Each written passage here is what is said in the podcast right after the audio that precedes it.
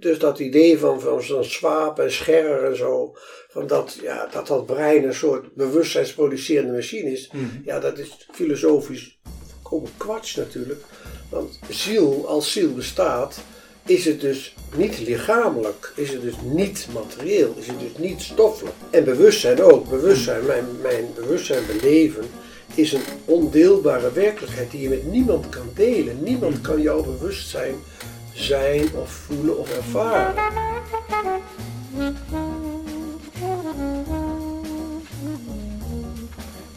U luistert naar de Therapeut Podcast, een wekelijkse podcast waarin ik, Peter Voortman, openhartige gesprekken voer met therapeuten over hun professie, patiënten en zichzelf. Luister mee naar bijzondere, schrijnende en grappige verhalen uit de behandelkamer. Vandaag ga ik in gesprek met Jaap van der Wal, filosoof, bioloog, wetenschapper, embryoloog, docent, te veel om op te noemen.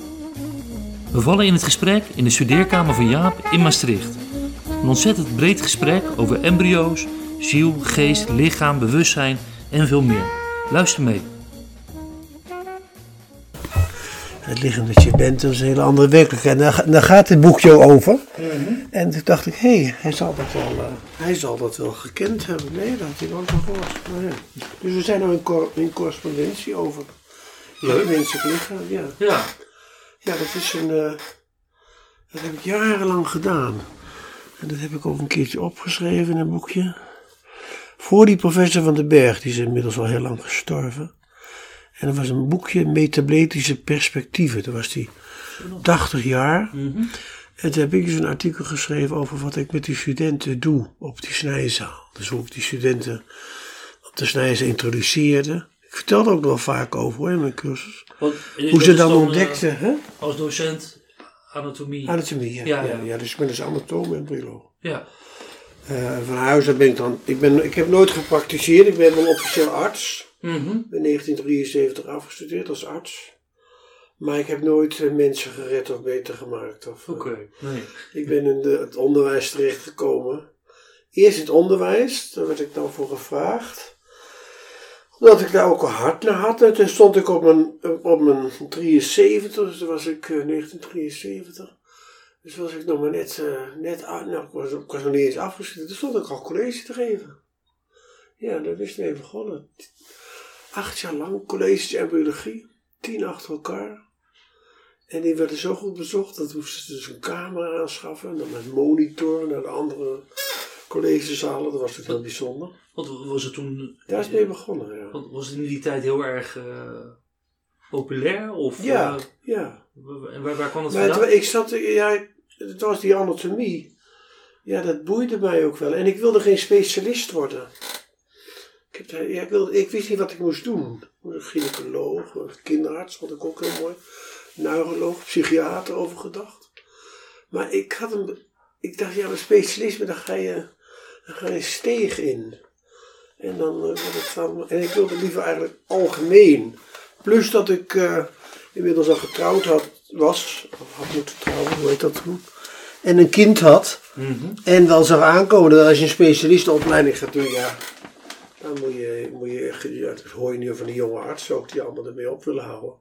Ja. Ja, dan is het 50, 60 uur werken. En daar had ik toen niet zo'n niet zo'n behoefte aan. En toen kon ik bij anatomie een plaatsje krijgen als, eh, als assistent. En toen ben ik daar begonnen met onderwijs. En toen later kwam er snijzaal, embryologie, wetenschap. Mhm. En toen ben ik ook, eh, ja, mijn specialiteit in de wetenschap, dat werd toen een houdings- en bewegingsapparaat. En toen ben ik later naar Maastricht gegaan, toen daar de universiteit begon.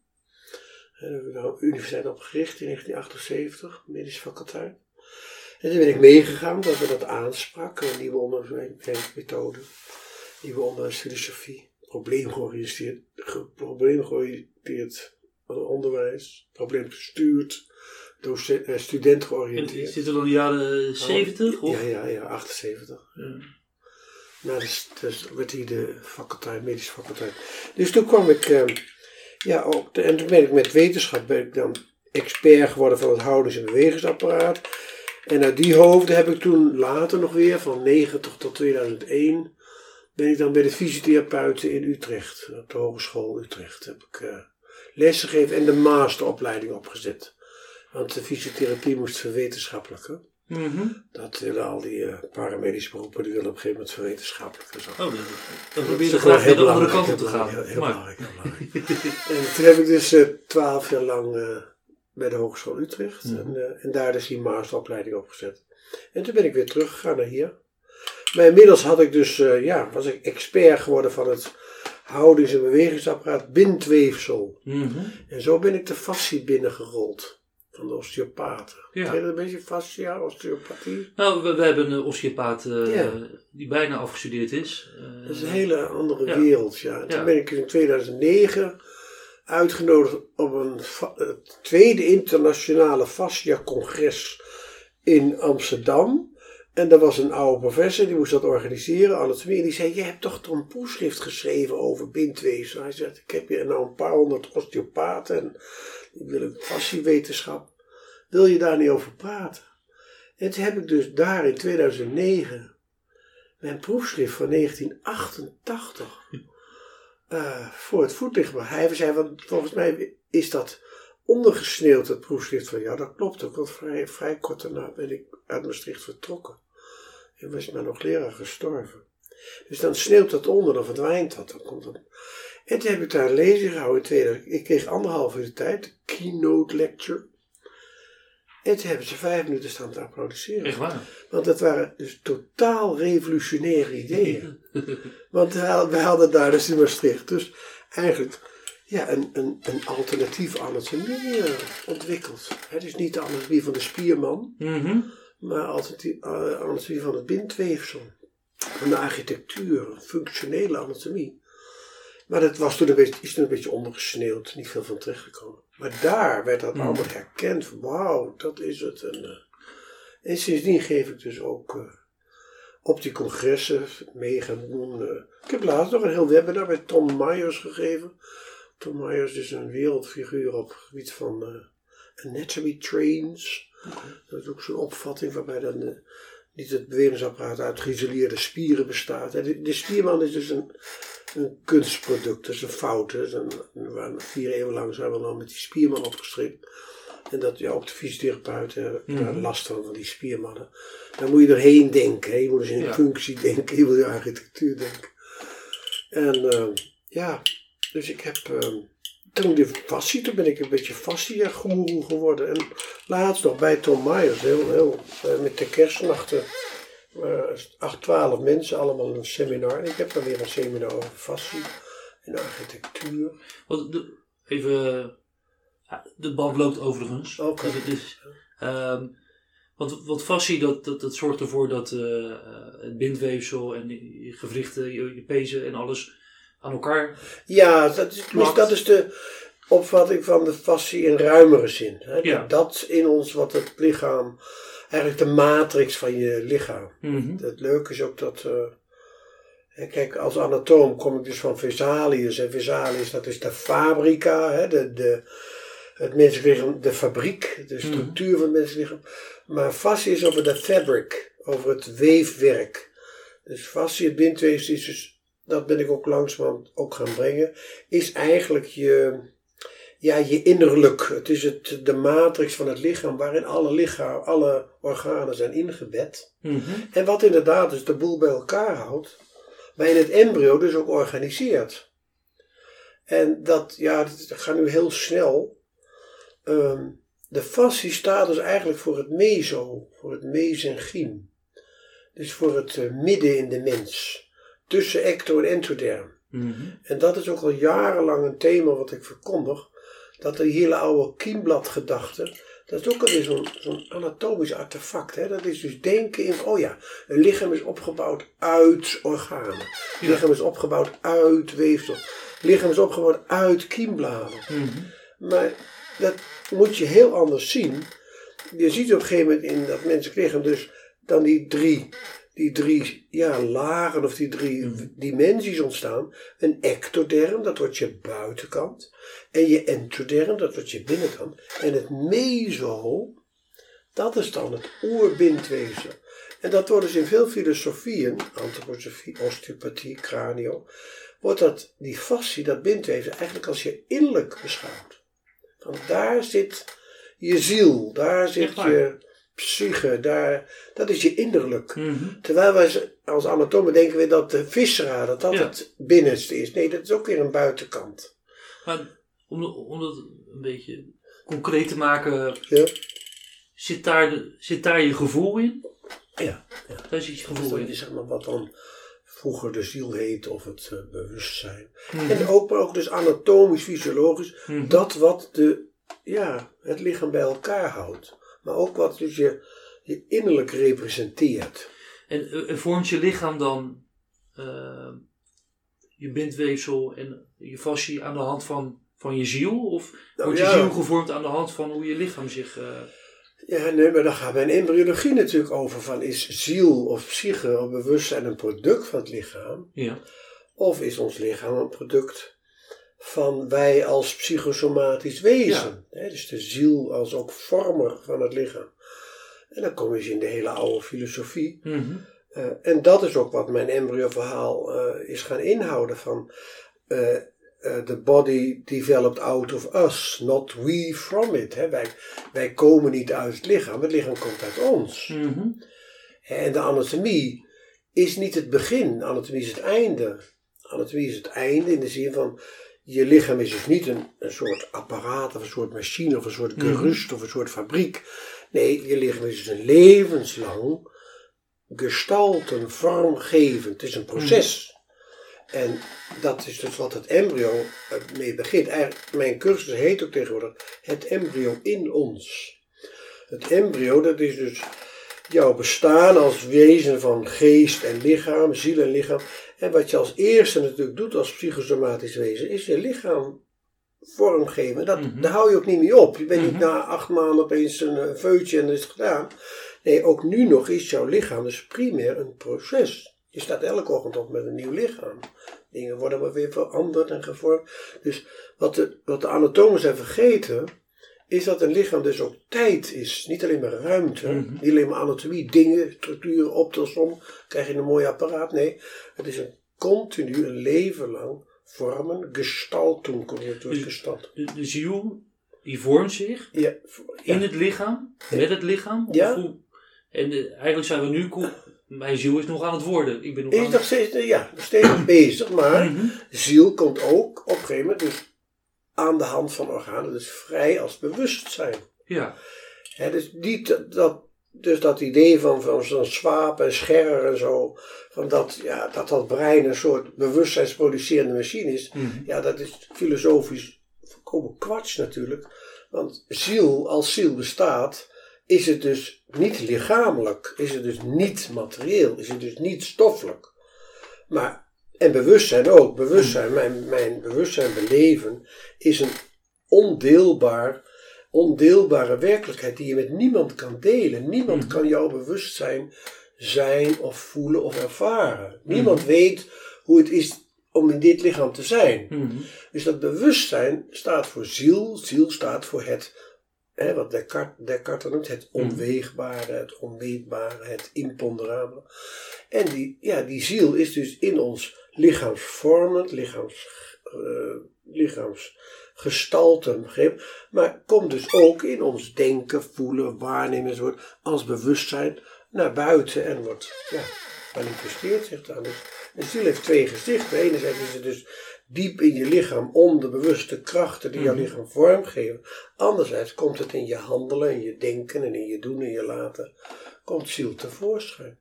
En zo En- ziel dus een twee, ja, Maar ontstaat de ziel eh, gezamenlijk met, met, met, Ja. met het embryo? Ja, Dat wordt, ja, dat is dus één, het is wo- niet- dus het is een eenwording. Het ja, is niet... dus, ja, dat is ook het verhaal van mijn embryologie. Mhm. En dat heeft Blechschmidt, eh, dat is een heel bekende Duitse embryoloog geweest, een van de grootste humane embryologen.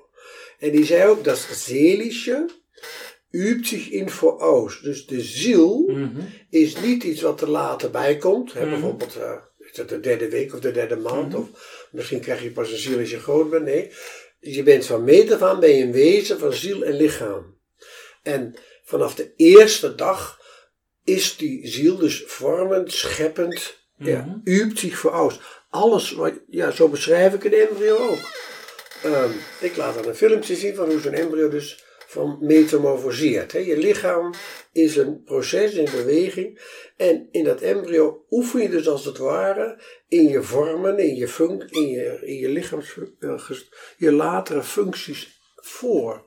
Dus ik bedoel, als ik je zou beschrijven hoe een arm ontstaat, Mhm. dan zie je dat dus de manier waarop jij een arm dus groeit. Die gaat, begint met buigen zo.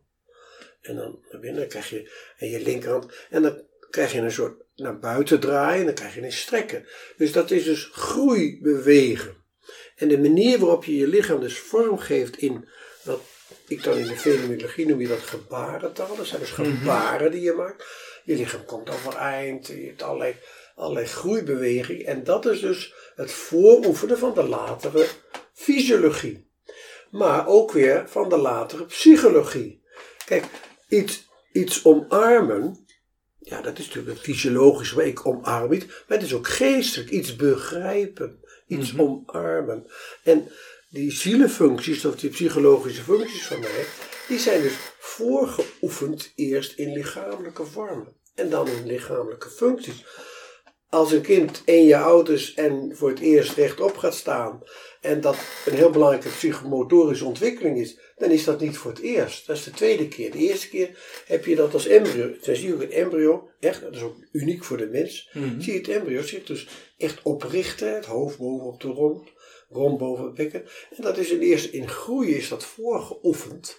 En dan kun je zeggen, nou, fysiologisch herhaal je dat dan. Maar je oprichter Mhm. is ook een psychologisch gebaar. Je kunt heel opgericht zijn, terwijl je misschien wel gehandicapt bent of verlamd. Maar dan kun je toch geestelijk of zielsmatig. Nou, zo kijk ik dan een beetje naar. Zo kijk ik En doen we dat nog een derde keer? Ja, psychosomatisch. Dus je hebt eerst fysiologie, psychologie, zou ik zeggen mentaliteit. Mhm. Je, eh, ja, eh, een hongerstaking is natuurlijk wel meer dan iets psychologisch. Dat is echt iets geestelijks. In de zin van, ik doe of ik wil of ik ben het niet eens met. Dan, en zelfs sociologisch. Eh, Rudolf Steiner van de antroposofie die gaat zo ver dat je dus als wij als samenleving onze samenleving willen organiseren, Mhm. moeten we kijken hoe organismen dat doen. Een organisme doet dat eerst anatomisch, morfologisch, fysiologisch, psychologisch.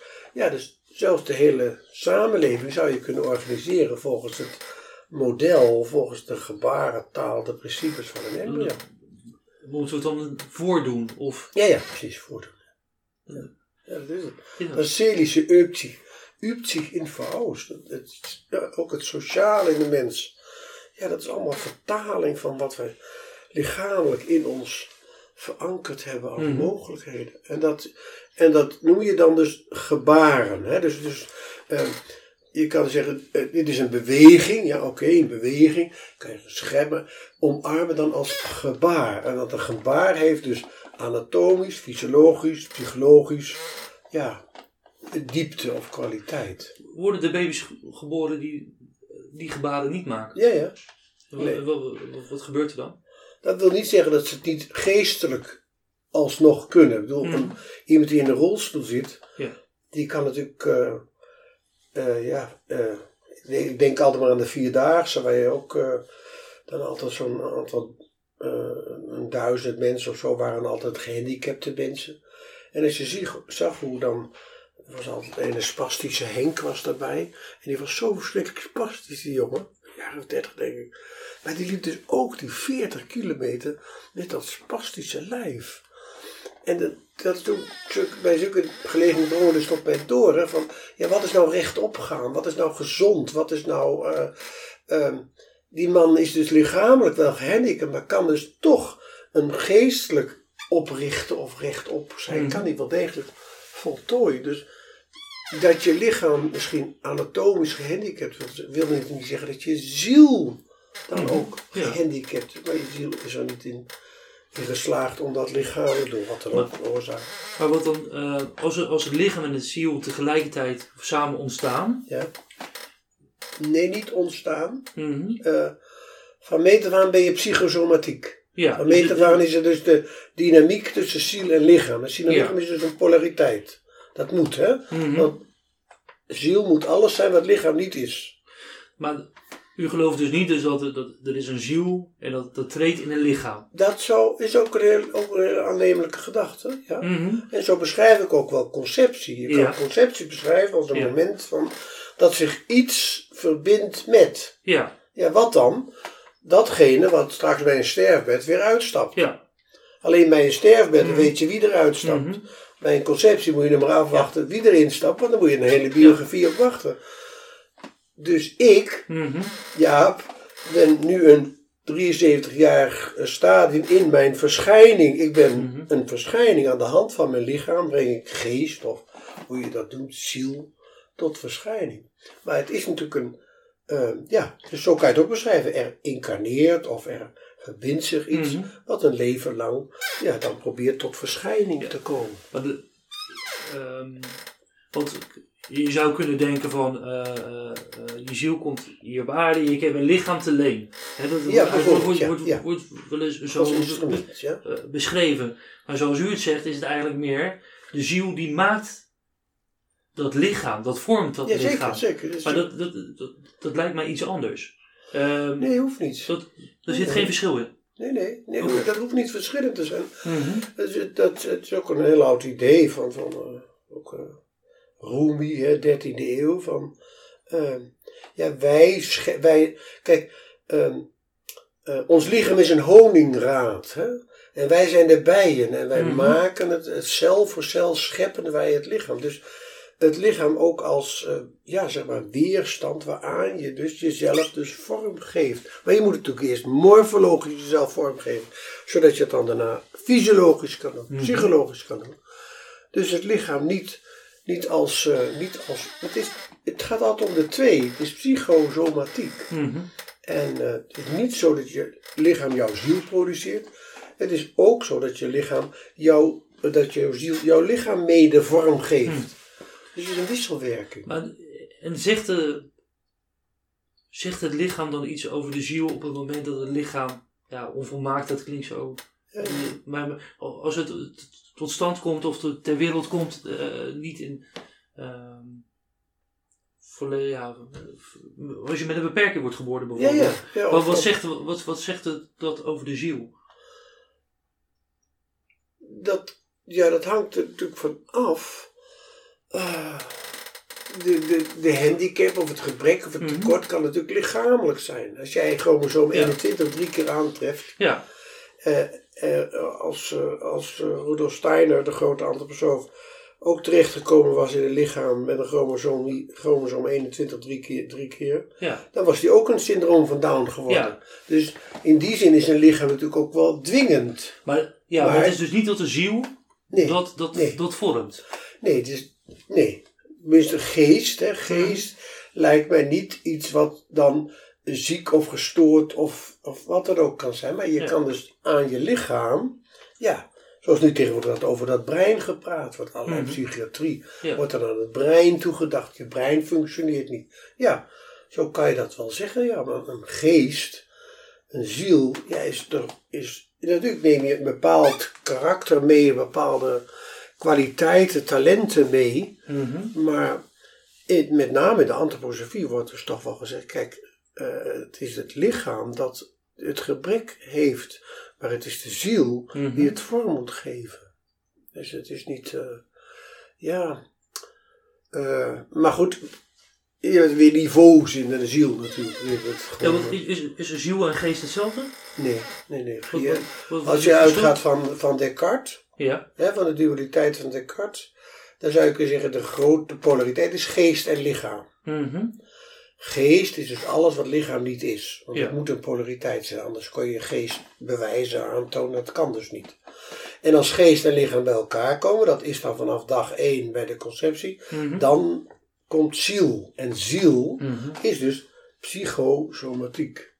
Is dus lichaam en geest en tegelijkertijd lichaam nog geest. Ja. Dat is mijn, dat is ook dat drie geleden wat ik in de osteopathie, kranie, antroposofie Overal kom je drie geleden, ook in de Chinese filosofie, dan wordt er dus een drie geleden mensbeeld. Mhm. En er is geest, er is lichaam.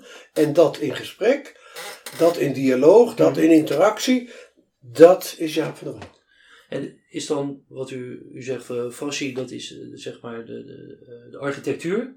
Ja. Is dan eh, de ziel de architect van... eh, Ja.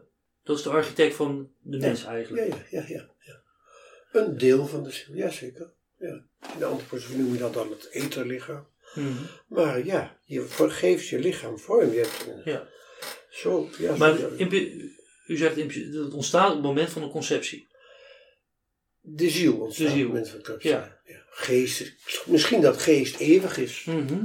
Kijk, eh, mensen zeggen wel eens van, eh, dus jij bent een antroposoof. Ik zeg, nee, ik ben geen antroposoof, maar Rudolf Steiner erg geïnspireerd. Oh, dus jij komt nog een keertje terug. Ik zeg, nee, ik kom niet nog een keertje terug. Ik kan niet reïncarneren. Maar het is wel denkbaar dat iets in mij Mhm. geestelijk is van Mhm. aard. En dat dat misschien ooit nog weer eens een keer op een andere manier terugkomt. En weer iets probeert een biografie te realiseren. Mhm. Maar dat kan natuurlijk nooit meer Jaap van der Wal worden. Want Nee. Dat Jaap van der Wal van mij wordt ook door het lichaam Ja. en door degene heel Ja. erg bepaald. En door mijn ouders en door Mhm. de tijd.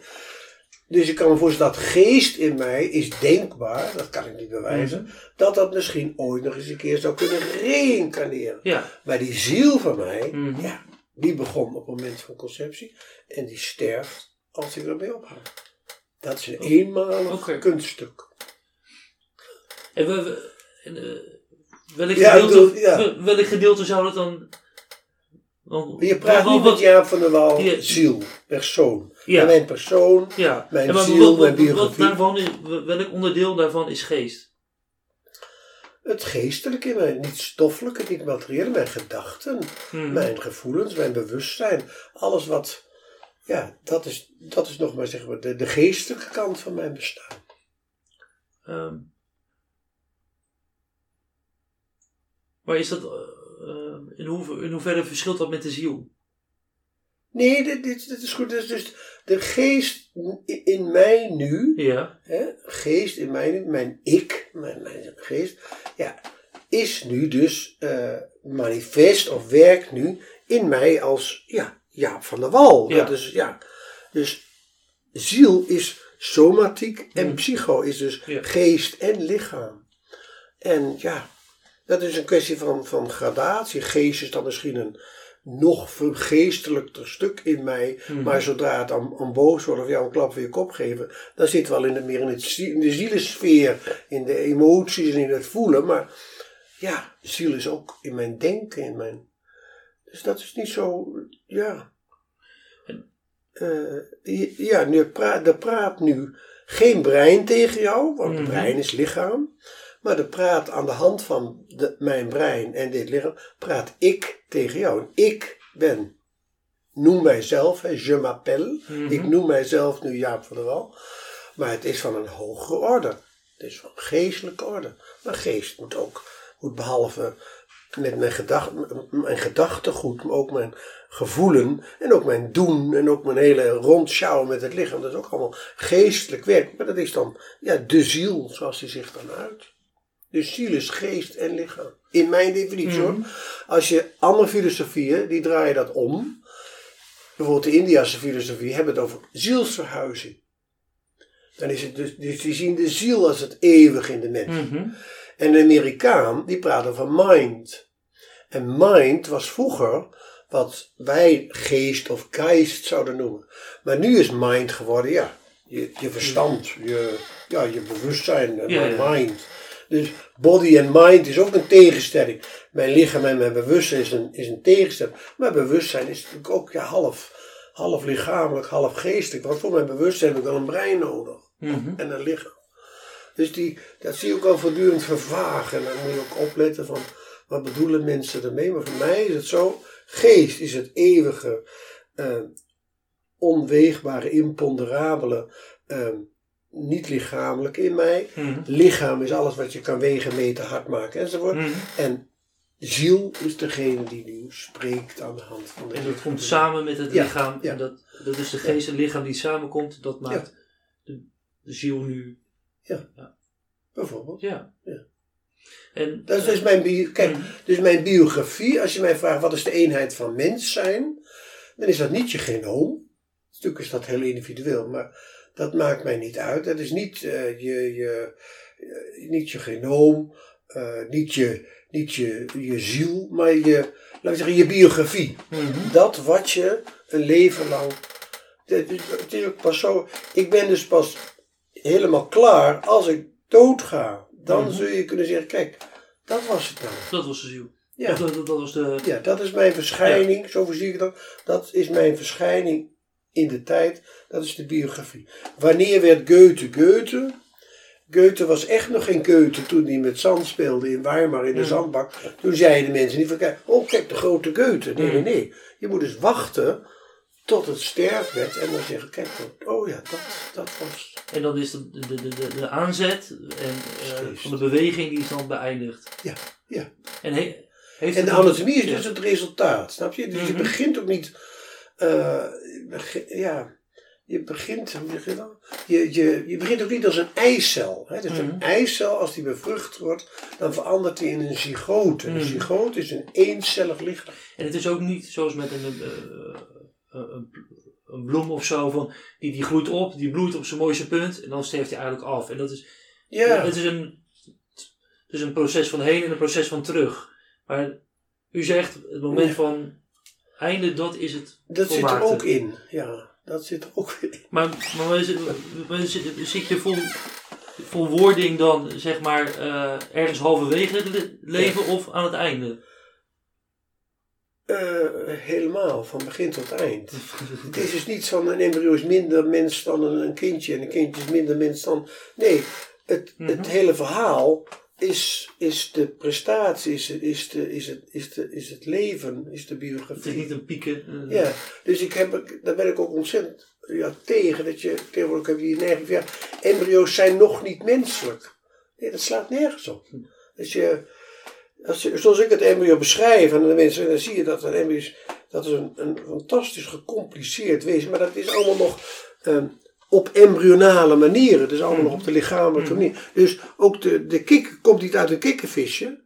De kikkervisje is het kikker in het kikkervisje stadium. Mhm. Elk stadium telt. En het is niet, je bent op weg om Jaap van der Wal te worden, of je bent op weg om mensen. Nee, dat, al die fasen zijn dus verschijningsvormen van dit keer Jaap van der Wal. Ja. En eh, dat, dat, eh, dat hou ik ook wel erg aan. Van, denk om dat embryonale en dat kind, en dat, dat is niet minder dan, of eh, nog niet. En het is een beetje een populaire discussie, maar als je dan kijkt naar abortus, Ja. ehm, heeft u daar dan nog ideeën over? Ja, natuurlijk heb ik daar ideeën over, maar niet wat de meeste mensen denken van, oh, hij zal wel tegen zijn. Nee, ik ben niet tegen.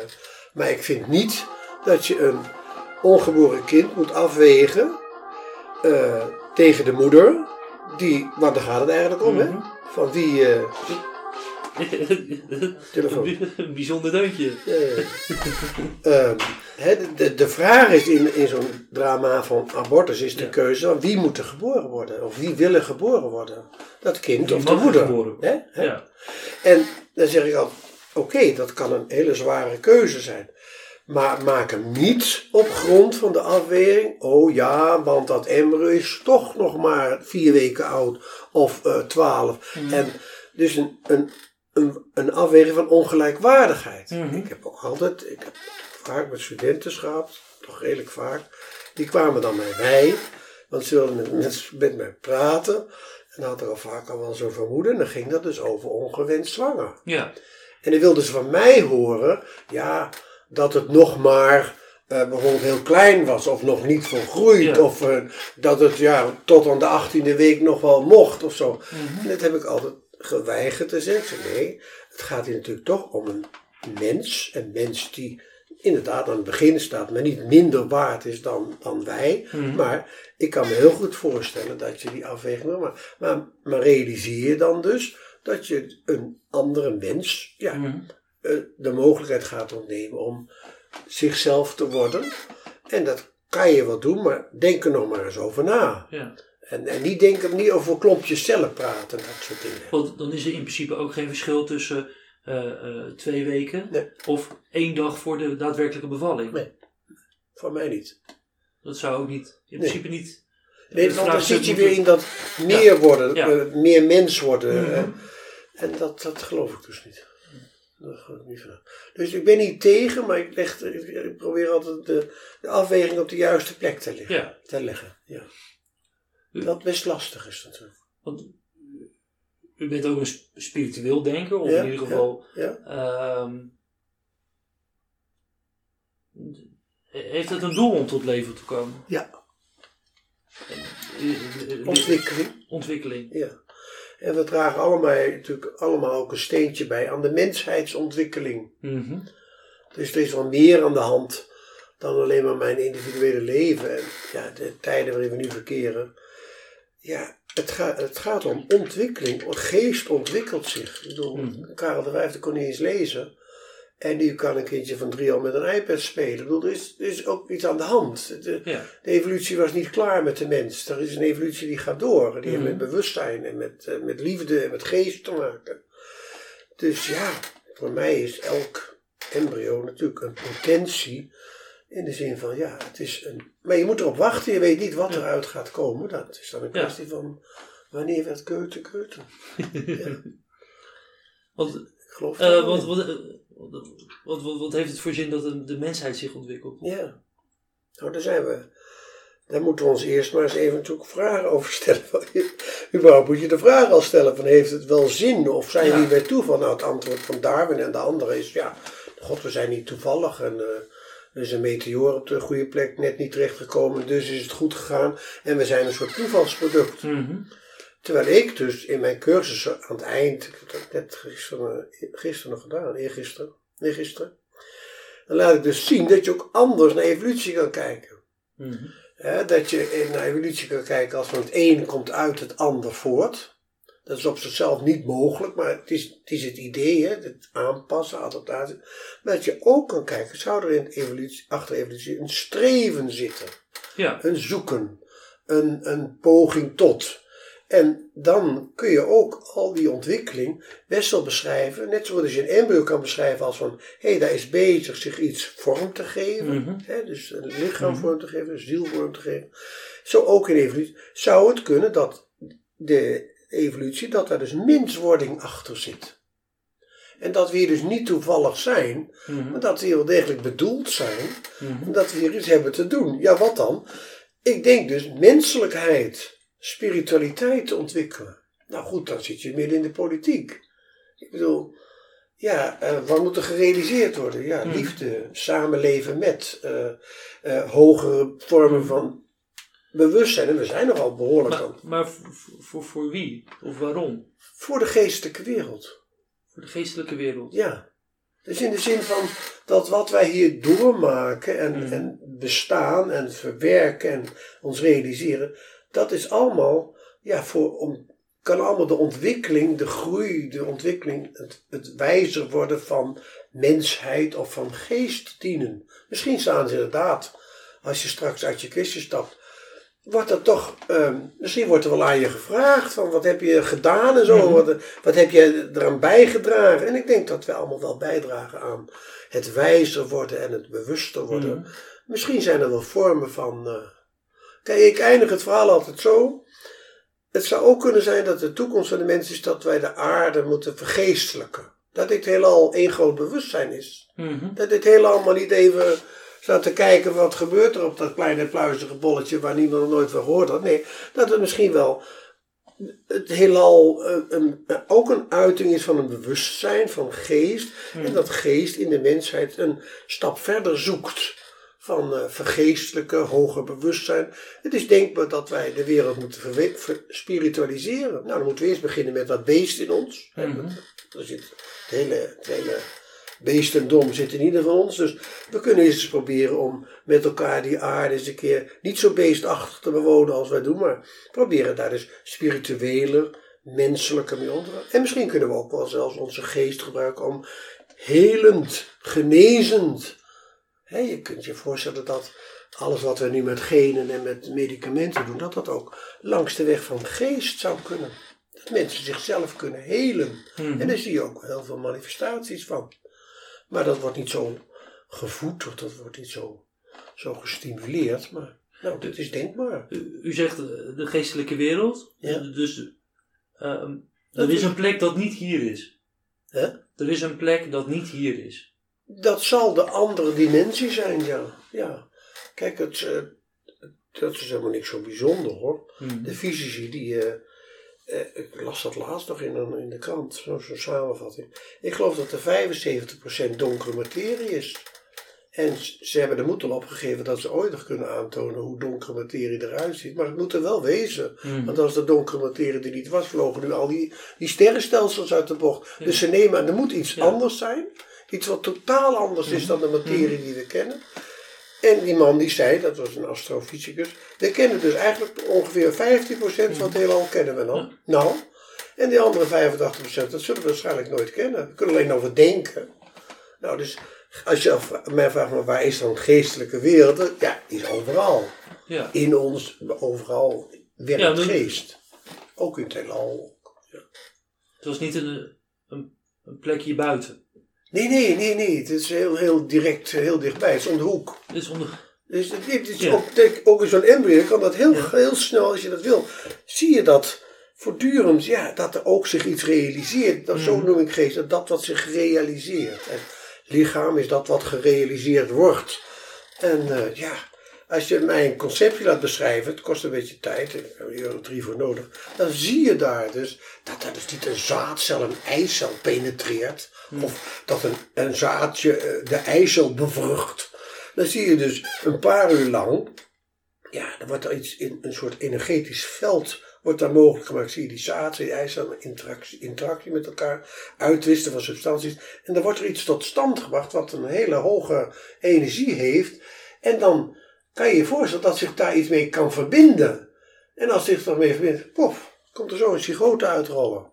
Ik bedoel, dan, dan, dat is entropie. En ent, eh, entropie heet dat. hè. Dus entropie is de, de neiging van het hele allemaal, maar naar de dood te streven. Mhm. En in leven zit iets wat daartegen ingaat. Dat is ook het hele geheim van leven. Leven is het meest onwaarschijnlijke verschijnsel in het heelal. Mhm. Want het, het gaat er juist tegen alles wat heelal is, Ja. gaat dat in. Nou, dat zou dus geest kunnen zijn.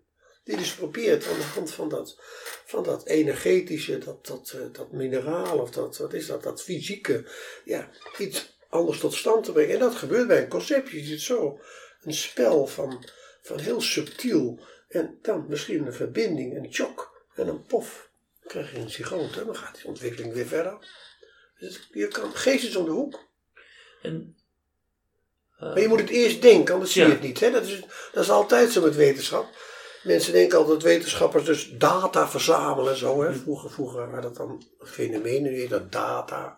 En dat je dus uit die data dan dus conclusies trekt. mhm. Nou, ik ben ook een wetenschapper, echt een hele goeie. Ik heb eh, de, de nodige artikelen geschreven, ook geaccepteerd door, door goede tijdschriften. Ik heb boeken geschreven, ik ben de goeroe van het vast. Ik weet wat het wetenschap is. Maar dat is het dus niet. Nee. Wetenschap is een idee hebben. Mhm. En dan zoeken naar de fenomenen, de feiten en de data die daarbij passen. Ja. En dat, wordt, dat noemt, dat, de, de slechtste wetenschapper noemt dat een bewijs. Mhm. Zie je, mijn idee is bewezen door de feiten. Nee, het slaat nergens op. Je moet zorgen dat je ideeën, dat die harmoniëren met de feiten. Dat is wetenschap. Mhm. En als ik dus aan geest denk, en ik denk geest bestaat, dan ga ik, heb ik een hypothese, een idee, en dan ga ik kijken of dat in harmonie is met de feiten. En dan ga ik dus anders naar conceptie kijken. En dan zie ik dat in conceptie incarnatie plaatsvindt. Maar iemand die dat niet denkt, die ziet dat niet. Nee. En dat is het leuke van wetenschap. Daar, ik bedrijf dus geesteswetenschap. Mijn collega's begrepen dat nog. Van, ja, hoe kan je nou toch op zoek gaan naar geest? Geest bestaat toch niet? Dat, dat moet je erin geloven. Ik zeg, ja, jouw, jouw hele wetenschap is ook één belief system. Dat is gewoon één belief system. Namelijk dat het allemaal uit de materie komt. En dat wij van de dieren afstammen. Dat is gewoon een geloof. Dus ga je kijken naar de feiten of dat klopt. En dat klopt. Zeg maar, mijn idee van dat de mens een geestelijk wezen is, dat, dat klopt ook met de feiten. En, een enig idee of een, of een, een, een voorstelling van waar. ehm, wat de bron is achter de geesten. Ja, Het is gewoon voor, voor, voor, Ja, nee, voor jezelf, hè? Ja. ja. Dat is de dooddoener vraag die de student altijd had. Nee, Ja, maar het- het- nee, maar wanneer, wat zit daar weer achter? ja. zei ik altijd, ja, ho, ho, even wachten. Eerst even, we zitten in de materie en hebben het vermoeden dat als je uit de materie rondkijkt, dat je misschien op een ander niveau kan kijken en Mhm. denken, kom je op geest. Nou, laten we eerst maar eens daar komen en dan kunnen we de volgende vragen wel weer stellen. Dat Mhm. is waarschijnlijk, misschien zit daar ook nog weer iets achter. Mhm. Ik bedoel, de fysica houdt ook bij de Big Bang af. Ja. Op. Iedereen weet dat daar iets achter moet zitten. Want niemand begrijpt hoe dat gegaan is. Mhm. We kunnen precies beschrijven hoe dat geweest is, hè? die milli, milli, mini, mini, milliseconden. Hmm. En toen was er iets, en pom. Toen had je opeens ruimte en tijd. Nou, laten we eerst maar eens kijken of we dat kunnen begrijpen hoe dat gegaan is. Dan kunnen we misschien daarna de vraag stellen van, wat is er toen gebeurd? Of wat zit daar weer achter? En de meeste fysici zeggen, nou ja, ja dat is nou niet belangrijk. Nou, u, heeft er lang, bent er lang mee bezig. Heeft u voor uzelf een, eh, een beeld daarin? eh, Liefde. of liefde?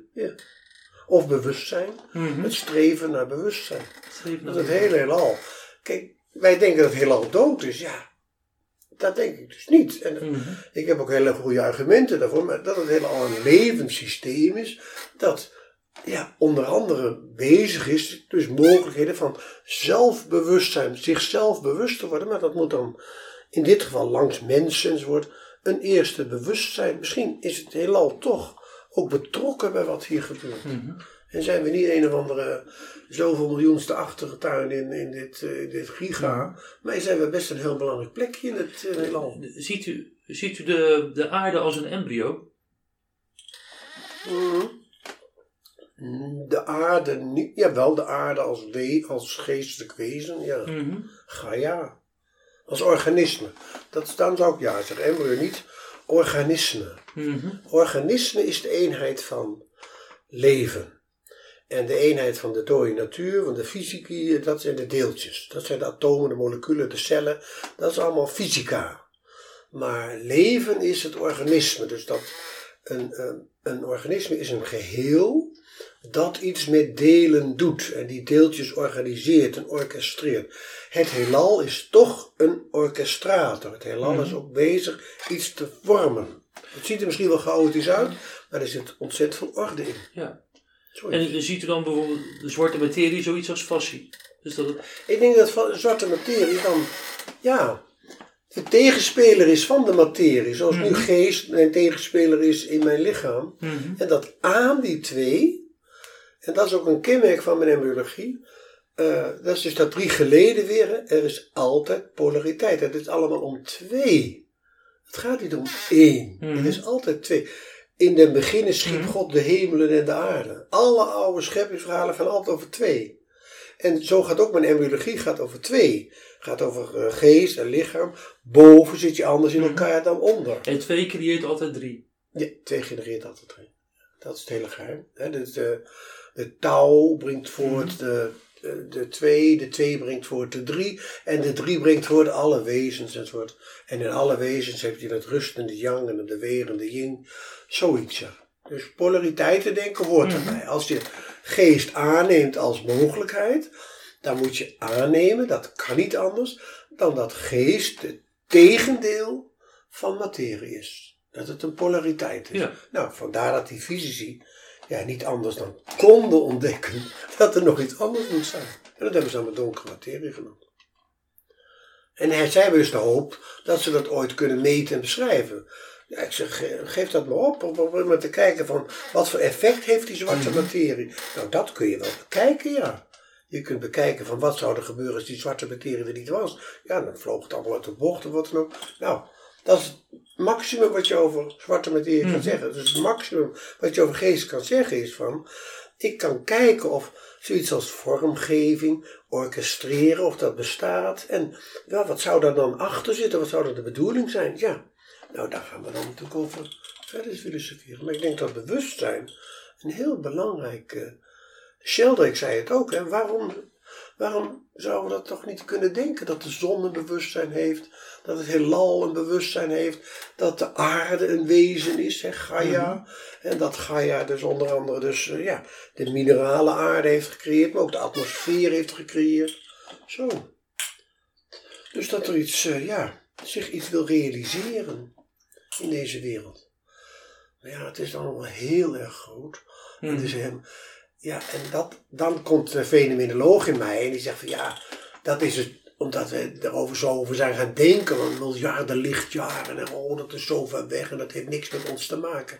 Ja, dat hoeft helemaal niet. Je kan zoiets als geest, dat is heel dichtbij.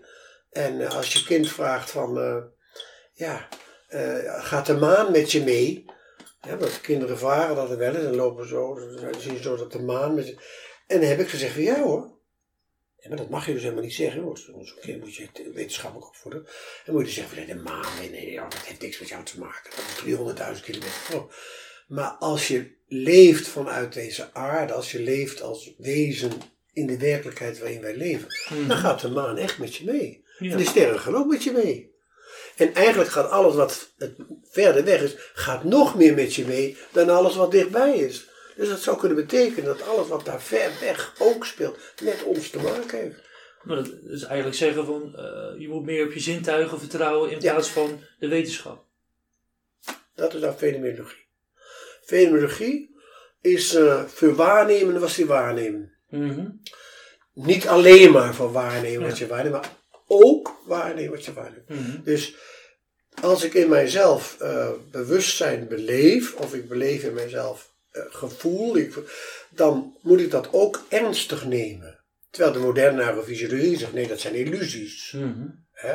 Ik, mo- ik moest eh, colleges pijn geven aan, aan de fysiotherapeut in de jaren negentig. Daar had ik dan twee colleges voor. En dat ging over de, over de pijnbanen, weet je, de thalamus en spino dit, spino dat.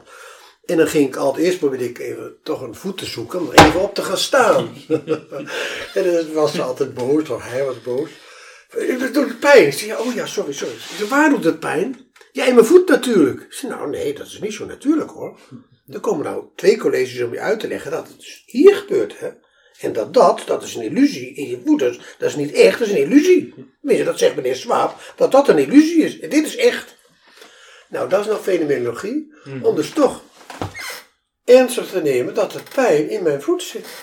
En dat moet iets zeggen. Nou ja, onder andere dat daar nociceptoren zitten enzovoort. Maar ja, de fenomenoloog neemt ook voor waar. Omdat de fenomenoloog neemt een, eh, het, eh, het standpunt vanuit mij, neemt de werkelijkheid zoals je haar ervaart. Mhm. En niet alleen maar de werkelijkheid zoals je haar denkt.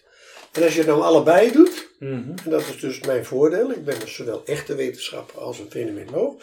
Ik neem beide werkelijkheden en dan hebben we misschien zoiets als de hele werkelijkheid. En dat is het beeld van, eh, dat laat ik ook vaak zien. Je kent die plaatjes wel van die vrouw. Dan heb je zo'n vrouwenfiguur. En dat kan als je op een bepaalde manier kijkt, is het een hele jonge, leuke, knappe vrouw. Mhm. En als je op een andere manier kijkt, is het een hele lelijke heks. Met, met een, nou, zo zit de werkelijkheid. Dus dat je werkelijkheid van, oh ja, toeschouwen, beschouwen, observeren, wetenschap. Hè, en de, de wereld zoals je haar beleeft.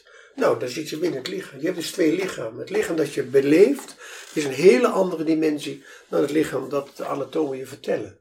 En dat heb ik dus de studenten kunnen leren en heb ik mezelf ook kunnen leren van denk erom, er zijn twee lichaamswerkelijkheden en niet de een belangrijker maken dan de ander. Mhm. En ja, maar het tragische is dat de beleefde werkelijkheid, de primaire werkelijkheid, de werkelijkheid van de fenomenoloog, laat natuurlijk toe dat er ook nog een andere werkelijkheid is van spieren, zenuwen enzovoort. Maar als jij alleen maar gelooft in de anatomische wetenschappelijke werkelijkheid, Mhm. dan moet je al dat andere, wat je dagdagelijks beleeft en doet, en de liefde die je voelt, dat moet je allemaal als een illusie beschouwen als niet echt.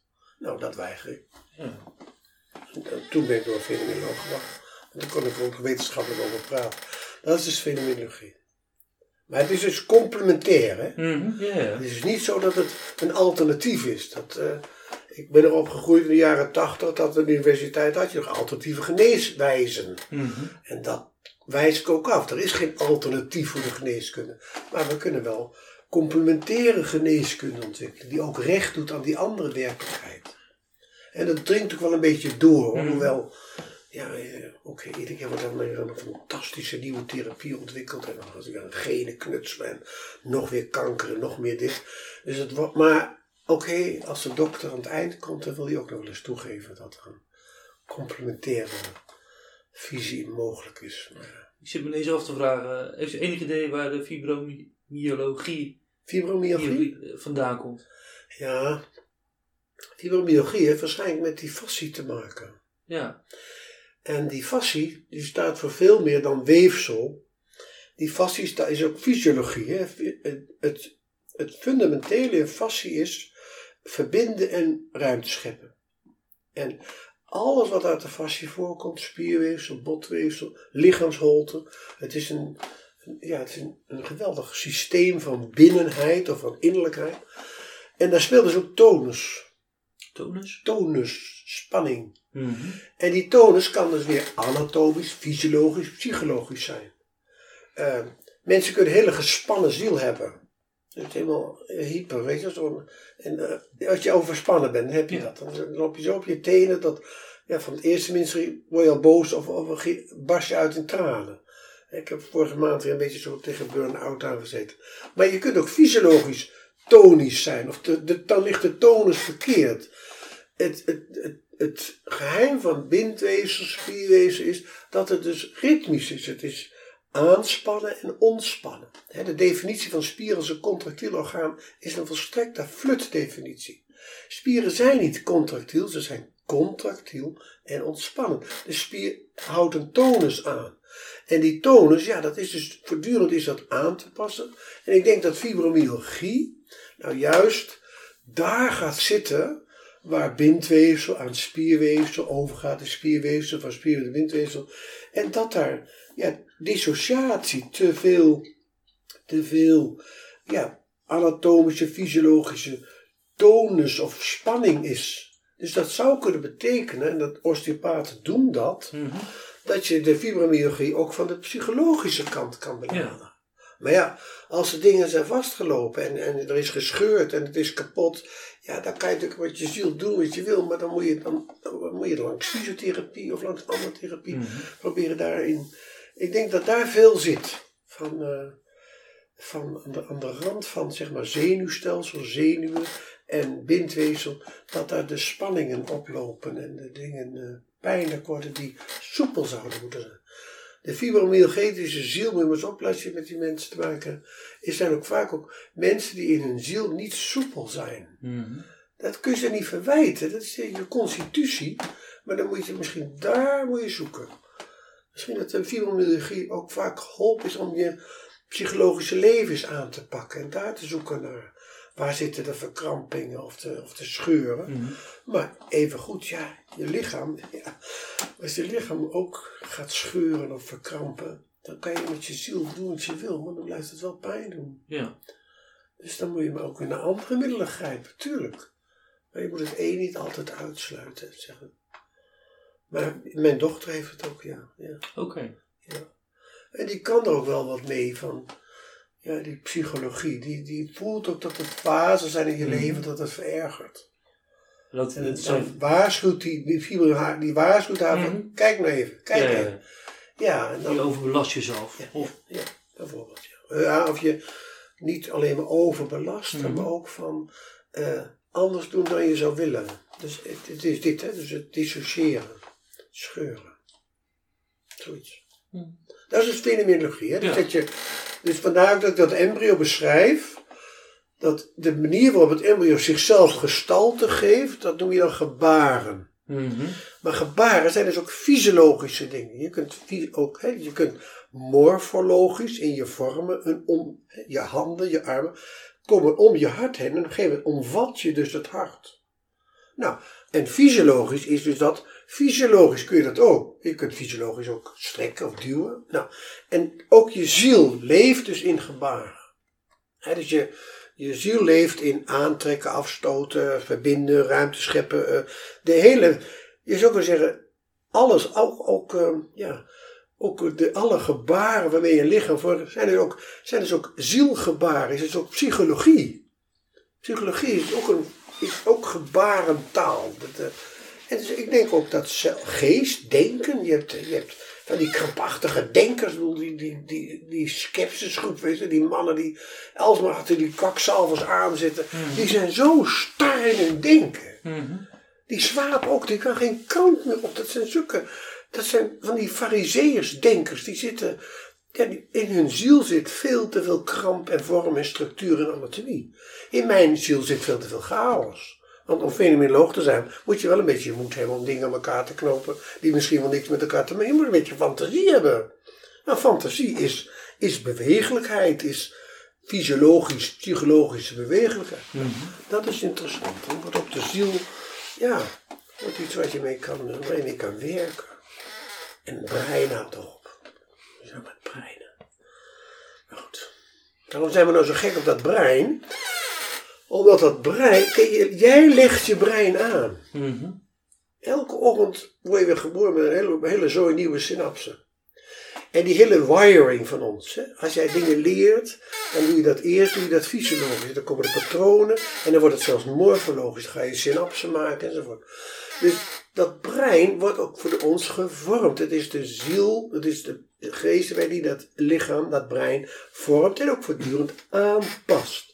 Dat wil dus zeggen dat eh, dat brein is voor mij niet zo belangrijk. Het is een mechanisme. Zit er eigenlijk veel fascie in, eh, in het brein? Nee, da- de- er, is, er is natuurlijk wel fascie. Er is wel tussen, Mhm. maar dat is de glia. Dus in de, in de brein, nou, dan- komen we heel, heel diep in de embryologie, dat kan ik me niet zo gauw uitleggen.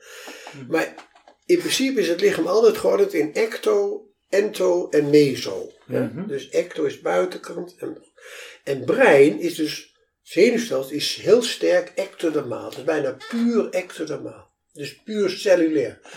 Maar elk orgaan moet in principe driegeleed zijn. Er moet altijd een, zeg maar, een zenuwstelseldimensie, een stofwisselingsdimensie en een middendimensie hebben. Nou, in het brein zie je nou dat het brein en het zenuwstelsel dat vereenzijdigt zo ontzettend in cellulariteit, dat je daar dus ook weer een tweedeling krijgt, maar dan in cel. Dus je hebt de gliacellen en de neuronen. En als je nou kijkt hoe dat georganiseerd is, dan staren wij ons altijd blind op die neuronen die al die netwerkjes maken. En dan krijg je die domme, eh, die domme Discovery filmpjes. Dan zie je weer zo'n netwerkje en dan gaan er allemaal flitslampjes zo langs. Hè, zo. En daartussen is het leeg. Het is helemaal niet leeg. Je brein is een en al massiviteit. Er is geen, geen, geen millimetertje, is geloof ik anderhalf procent tussenruimte. Het is allemaal cel. En dat zijn die gliacellen. Die glia is niet zo gecompliceerd georganiseerd als de neuronen. Mhm. Hè, Die zijn ook zo stervormig cellen. Maar die moeten dan dus die neuronen uit elkaar houden. Zodat ze alleen maar op de synapsen contact hebben. En moeten die neuronen verzorgen. Het neuron is de meest idiote cel die God uitgevonden heeft. Want die kan alleen maar aan- en uitschakelen. En als hij zichzelf aanschakelt, is die meteen kapot. Is die refractair. Moet die, moet die gereanimeerd worden. Nou, dus aan de gliacellen en aan de neuronen vindt het nerven, ner, het, ner, het, eh, plaats. Het zijn niet de, de, de, de draden en de contacten en de kern en de brein en de verbindingen. Nee, nee, het is een, een onvoorstelbaar driedimensionaal ruimtelijk proces geworden. En dat wordt door gliacellen en zenuwcellen samen volbracht. En die complexiteit, dat is trillen en dat is verbinding en dat is zoomen enzovoort. Dat is een heel, een gigantisch vibrerend concept, concert wat daarboven plaatsvindt. En dat is dus, wat die fascie, die zit dus in de, in de gliacellen, want dat is dus de tegenhanger van de neuroncel. En samen heb je altijd weer de, de, zeg maar de stofwisseling en de zenuwcel nodig. En dus eigenlijk is het, ja, gebeurt het tussen die cellen in. En dat verklaart de complexiteit. Dus ja, en waarom zijn we er nou tegenwoordig zo gek op? Omdat wij dus beginnen te ontdekken, oh, als je puber bent, dan zit het zo en zo en zo. En, dan gaat en als je nou nog een beetje gek doet, dan zit dat te veel of die kern is te klein. Mijn vrouw is psychotisch geworden, bleek zeven jaar later een tumor in haar hoofd te hebben. Nou, dat is een genade dat je dan de tumor eruit kan halen. En dan wordt ze weer normaal. Nou, dat is de verleiding. De verleiding is om dat brein thuis te komen en dan gaan we straks eens manipuleren. Als jij last hebt van eh, een of andere angst of zo, dan doen we een naaldje in je hippocampus. En dan kunnen we de hippocampus een beetje stimuleren. En wat nog gevaarlijker is, dat we straks dus diagnostiek gaan bedrijven aan het brein. Hoezo? U kunt helemaal niet bang zijn. Ik zie op uw uh, neuroscan dat uw hypothalamus heeft een normale activiteit hoor. Dus die angsten van u, dus die is de, nou, nou, dan stoppen we er wel een medicamentje in. Dan, dan is het dus gebeurd met geest. Dan, uh, dan, dan, ga ik ook niet in mee. Ja. Maar ik weet wel dat het heel veel, heel veel, heel veel, heel veel leed kan verzachten, het gemanipuleerde brein, dat weet ik wel. Mm -hmm. Maar we moeten ons wel realiseren dat zij niet een rondwandelend brein zijn. We zijn een wezen van geest en lichaam. En ons brein is een heel belangrijk instrument om bewustzijn te creëren. Dat dient het brein. Het brein verder dient het brein niks. Maar het is wel heel belangrijk, weet ik wel. en nog ergens aan die genen, maar goed. Het, uh... Ik kijk even naar jou. Heb jij. Uh... Wat, doe je, wat, is jouw, wat, is je, wat is je achtergrond? Jij wat, komt uit de fysiotherapie? Nee, oh. ik ben praktijkmanager bij de fysio. Huh? Ik ben praktijkmanager bij de fysiotherapie. Ah, oh, je bent zelf geen fysiotherapeut? Nee. Oh. nee. Oh, leuk. Mm -hmm. En is, is, is het zo'n grote praktijk dat zo'n praktijkmanager nodig heeft? Jazeker. Ja. Zo, Ja. wauw. En jij? Ik ben psycholoog. Psycholoog. Leuk, oh ja.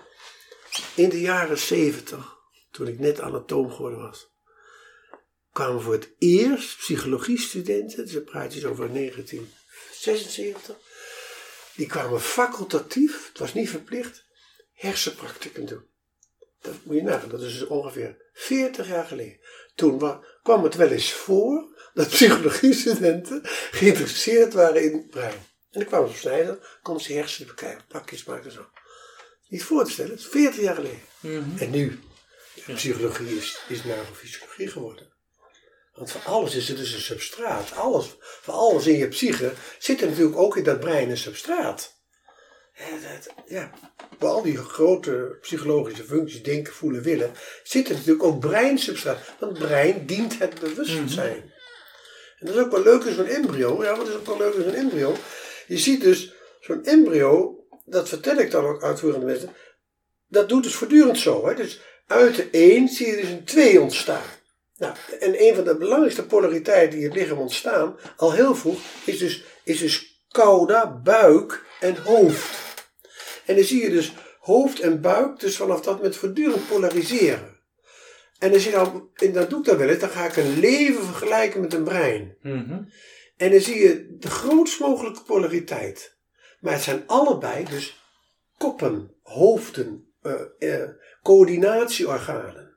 Het brein is de coördinatieorgaan van het zenuwstelsel. Het hart is ook een soort brein, maar dan van mijn bloedvaten. De lever is een enorm brein, maar dan van stofwisseling. Een lever is een heel intelligent orgaan.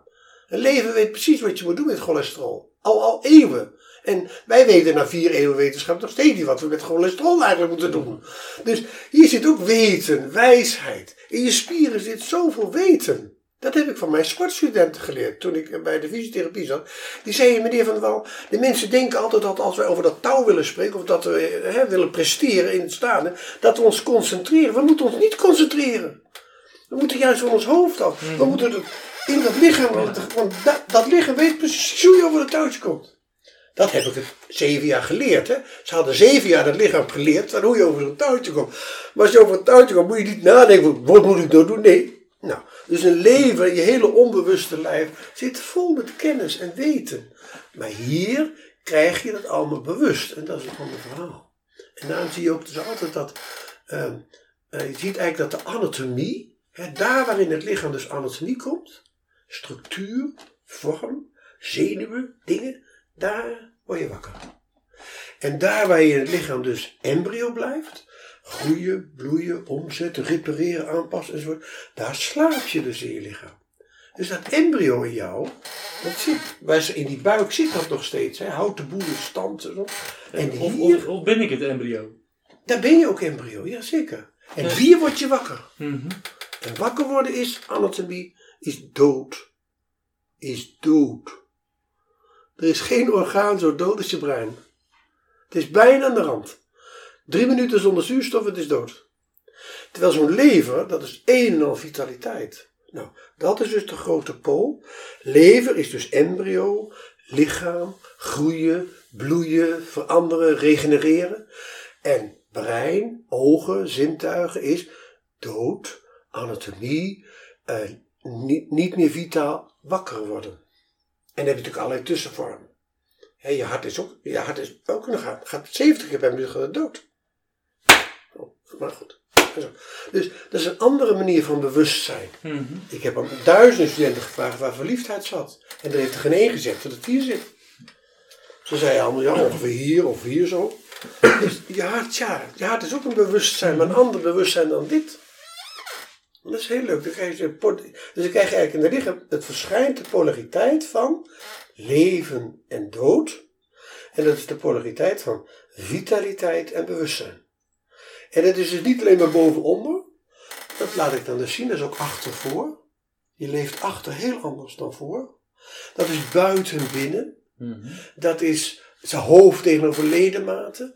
Dat is links en rechts. Links en rechts is ook zo'nzelfde soort polariteit. Je linkerbrein is gestructureerder dan je rechterbrein. Dat is meer vitaler en chaotischer enzovoort. enzovoort. Nou, dat is heel leuk. Dus die ziel ook, Mhm. die zit dus ook overal. Bewustzijn zit ook niet overal, maar bewustzijn. Je hebt, je hebt lagen in je bewustzijn. En de aller, ja, de meest hoge vorm van bewustzijn die we kennen, is dan dat wakkere bewustzijn in de tel en dat is ook op sterven na dood. En dat is ook leuk. Als je dan bijna dood gaat, mijn vrouw heeft dat dus gehad tijdens die operatie, dan praten mensen over een nog hoger bewustzijn. En tegenwoordig doen we dat dus na. Hè. Je kunt dus eh, op een gemiddeld popconcert kun je de helm van God opzetten. Kost je 10 dollar. Dan krijg je zo'n zo'n net op je kop. Mhm. En dan stimuleren ze bepaalde, eh, remmen ze bepaalde schorsgebieden. En dan word je heel even, word je heel extatisch. Ga je heel even dood eigenlijk. Dus dat is zo interessant. Dat bewustzijn met doodgaan samenhangt. En dat onbewustheid met leven en vitaliteit te maken heeft. Nou, dan zit je dus op de polariteit van geest en lichaam. Die zit boven anders in je lichaam dan onder. Maar dat geldt ook achter voor. En dat geldt dus voor overal. Die drie geledingen zitten dus overal. Dat is in een nutshell wat ik probeer in vier dagen tijd aan de mensen uit te leggen. Mooi. En vanuit de psychologie. De psychologie, ja, die is ook helemaal in dat, in dat, in dat bewustzijn gekropen. De psychologie heeft psyche verward met bewustzijn. Die stomme swaap ook. Hè, van, ja, Dat zit u wel echt dwars, hè? Die oh, dat zit me zo dwars. Ja? Oh, dat kan je niet, oh, vreselijk vind ik dat. Stukke domme gedachten ook dan. Hij verdient ook een hoop geld aan. Maar, de, nee, maar dan zeggen ze dus, zoals de nieren urine produceren, zo produceren het brein bewustzijn. Mhm. Alsof nieren urine produceren. Een fontein produceert toch geen water?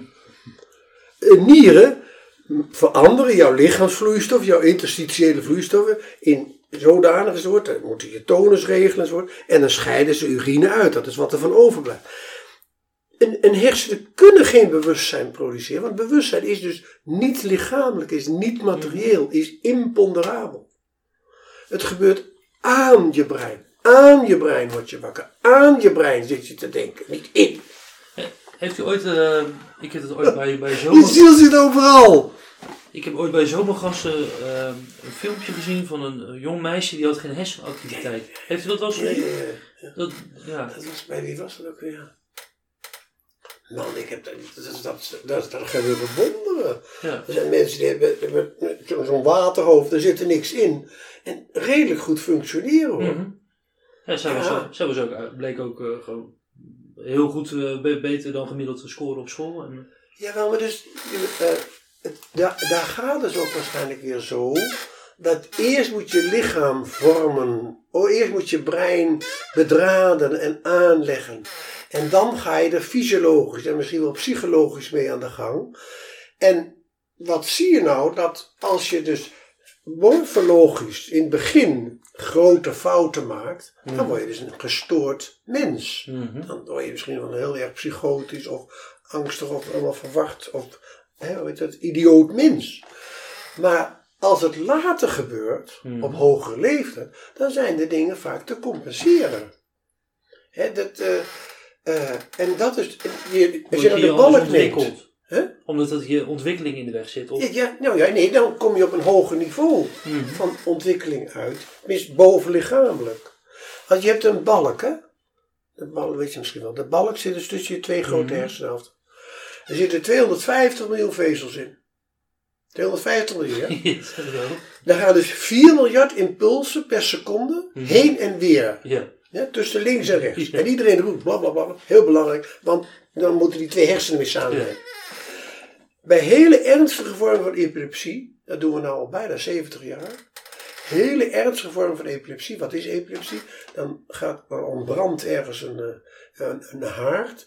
En dan krijg je een enorme golf van, van eh, hele grillige prikkelingen. En dat gaat over je hele brein heen. En bij hele ernstige epilepsie snijden ze die balk door.